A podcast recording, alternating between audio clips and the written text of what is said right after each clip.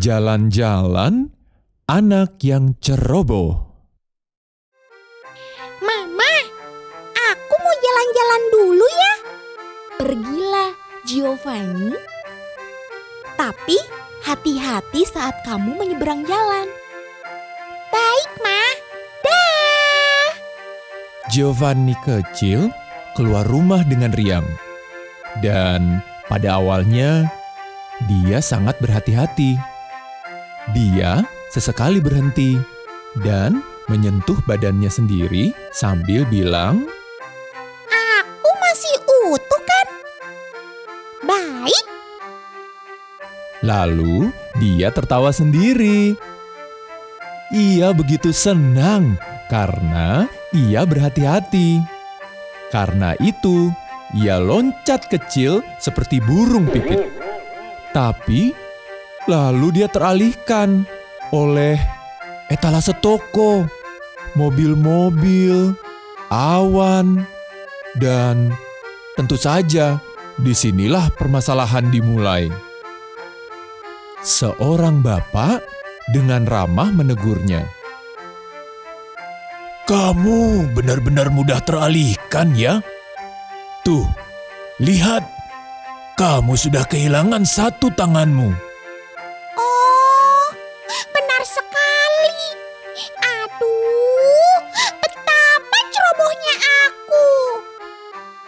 Ia mencari-cari tangannya, tapi malah menemukan sebuah kaleng kosong. Apakah itu benar-benar kosong? Coba kita lihat.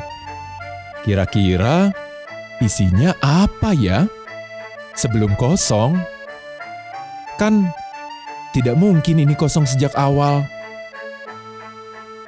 Giovanni lupa kalau ia sedang mencari tangannya. Ia lalu lupa juga dengan kaleng itu karena melihat seekor anjing yang pincang.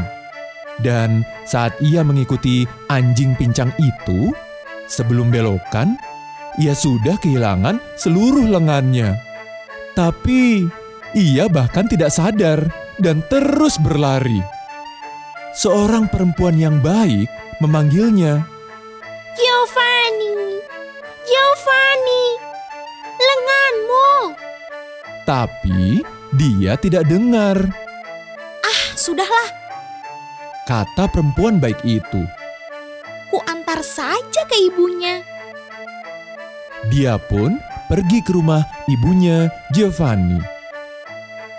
Bu, ini saya punya lengannya Giovanni. Oh, si ceroboh itu.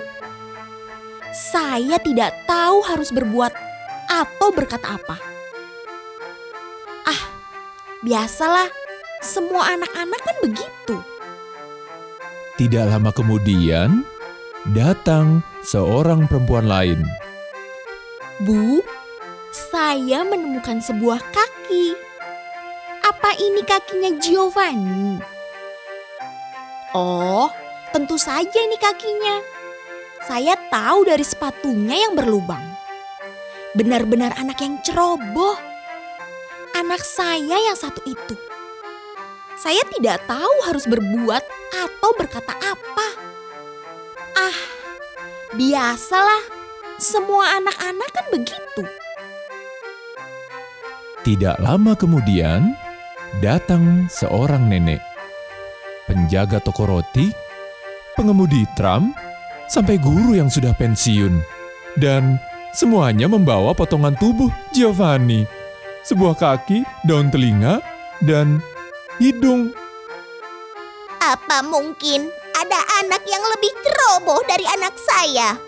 Ah, Bu. Biasalah. Semua anak-anak kan begitu. Akhirnya, Giovanni sampai di rumah sambil lompat di satu kaki, tanpa daun telinga dan lengan. Tapi tetap riang, seperti biasa, seperti burung pipit. Ibunya geleng-geleng kepala sambil memasang bagian tubuhnya yang lepas dan menciumnya. Ada yang kurang, Ma. Aku anak yang iya Giovanni. Kamu benar-benar hebat.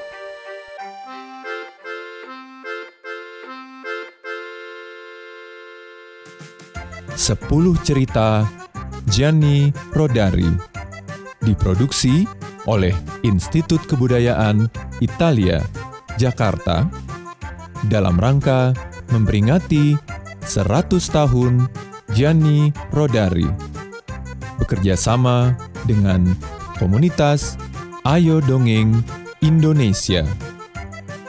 Terjemahan dari bahasa Italia ke bahasa Indonesia oleh Kisera L.